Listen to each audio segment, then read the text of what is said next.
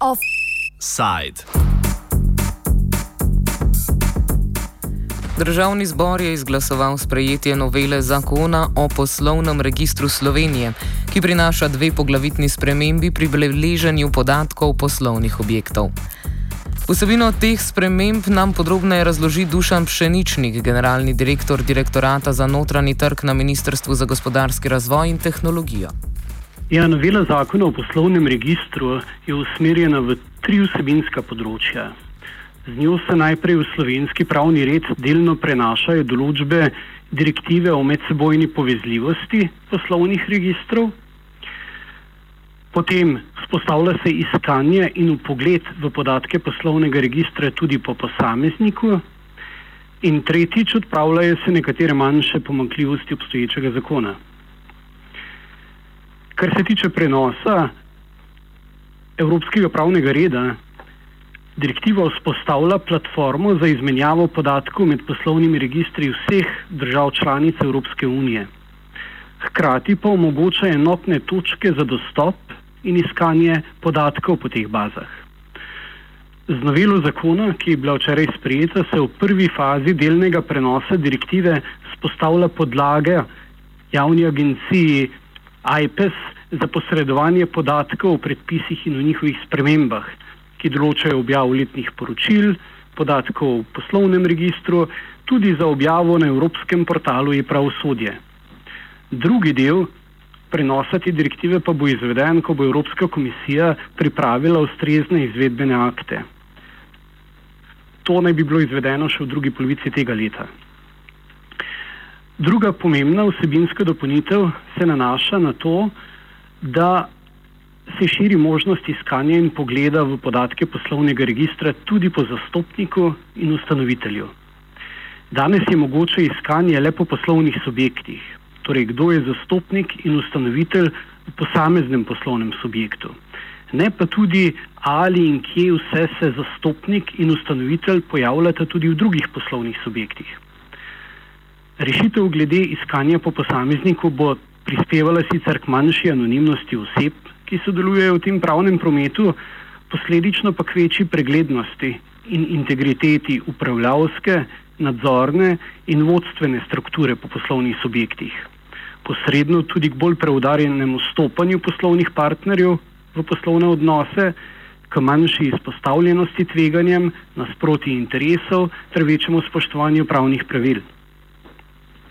Poleg tega dopolnitve obstoječe ureditve v smislu odprave manjših pomankljivosti obstoječega zakona še izboljšujejo sicer zelo dobro delovanje slovenskih registrskih organov.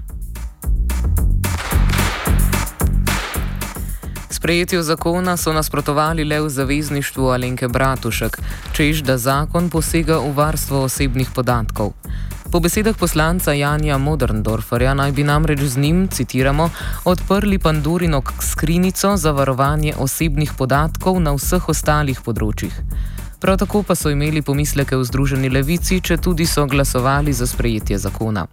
Razloge nam pojasni njihov poslanec Matej Vatovec. Gotovo gre pri tem zakonu za korak naprej, oziroma korak bliže k temu, da bi bolj uh, demokratizirali in, in naredili bolj transparentne postopke v navezavi z uh, poslovanjem poslovnih subjektov v, v, v Sloveniji. Je pa seveda potrebno se zavedati, da ta, sam, sam ta ukrep ne bo bistveno uh, pripomogel k temu, da bi se uh, bolj upoštevalo delovske pravice ali kakorkoli. Uh, vemo, da so podobni mehanizmi sicer že obstajali oziroma um, kljub opozarjanju tega, da določeni uh, delodajalci ne izplačujejo vseh prispevkov in um, ustreznih plačil svojim, uh, svojim zaposlenim, uh, do tega nikoli ni prišlo. Se pravi, da te poslovni subjekti, ki bi uh, bili sedaj podvrženi temu zakonu o poslovnem registru, bodo še vedno verjetno skušali najti in bodo našli uh, načine, kako ta sistem izigrati in mislimo, da je bilo potrebno pravzaprav uh,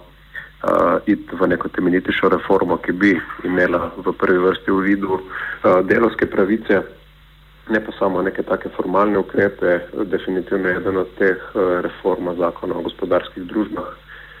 Ki bi moral zgledovati po nekih praksah, ki bi vključevali več delovskega upravljanja oziroma tako imenovane ekonomske demokracije, ki bi dejansko lahko postopoma začela uvajati več, več delovskih pravic v podjetja in s tem tudi na nek način dela nad boljšim poslovanjem podjetij, ki ne bi bilo samo usmerjeno k tržnim mehanizmom oziroma ustvarjanju čim večjega dobička, ampak tudi za skrb za dobrobit svojih zaposlenih. Nespoštovanje delavskih pravic pa gre z roko v roki z deregulacijo in liberalizacijo, katerima smo bili priča slovensko tranzicijo. Dejstvo je, da se je s tranzicijo zgodil uh, grob brez z vsemi praksami, ki so bile povezane z, z Jugoslavijo. Uh, nažalost, tudi tistih dobrih. Eno takih je bila sveda tudi SDK, ki je na nek način zagotavljala tisti organ uh, nadzora nad poslovanjem gospodarskih družb in je po svoje tudi Eh, ščitila ne samo uh, interese delavstva, ampak tudi pravzaprav na nek način interese, ki jih ima država um, za pobiranjem davkov iz dohodkov dejavnosti in tako naprej. Se pravi, uh, mislim, da je tu tiči ta, ta največji problem, da se z tranzicijo pod pretvezo tega reza z vsem, kar je bilo v preteklosti izgubilo, tudi veliko dobrih rešitev, ki so pravzaprav delovale in uh, to je potem posledično pripeljalo do tega, da smo lahko bili priča uh, pojavom, kot so bili tajkunski prevzemi uh, podjetij in uh, stvari, ki jih vsak dan srečujemo, se pravi izkoriščanja uh,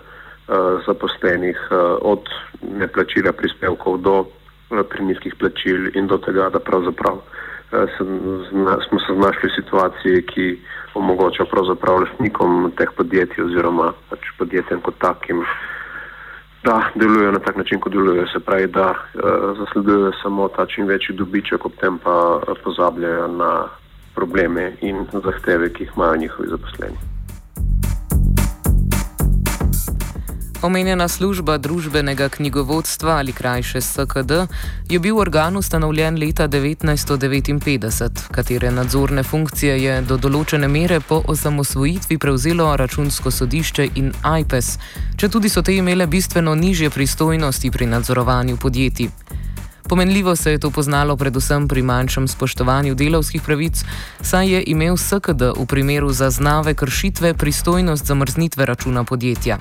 Več o funkcijah SKD razloži ekonomist Jože Mencinger.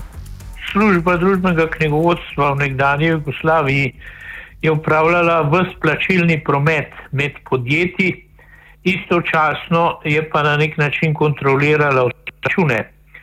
Takrat je veljalo tudi v svetu, da gre za izredno uspešen plačilen promet, izredno hiter, eh, ker pač služba družbenega knjigovodstva ni imela nobenega cilja, da zadržuje denar na svojih računih, podobno kot imajo banke.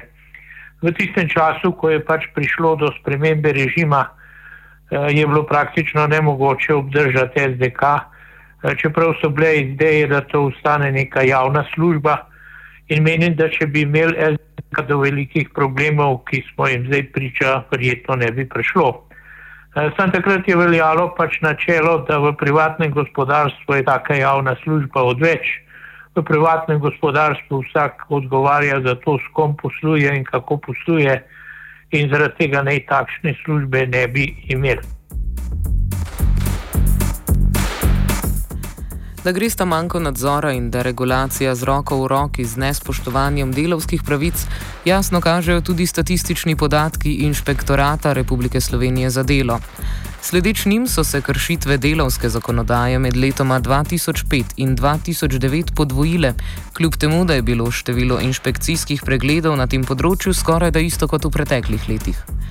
Poleg večje tendence kršenja je namreč prav tako problematično samo njihovo beleženje, saj je število podjetij disproporcionalno naraslo glede na število inšpektorjev, hkrati pa je omenjen organ soočen s kadrovsko podhranjenostjo.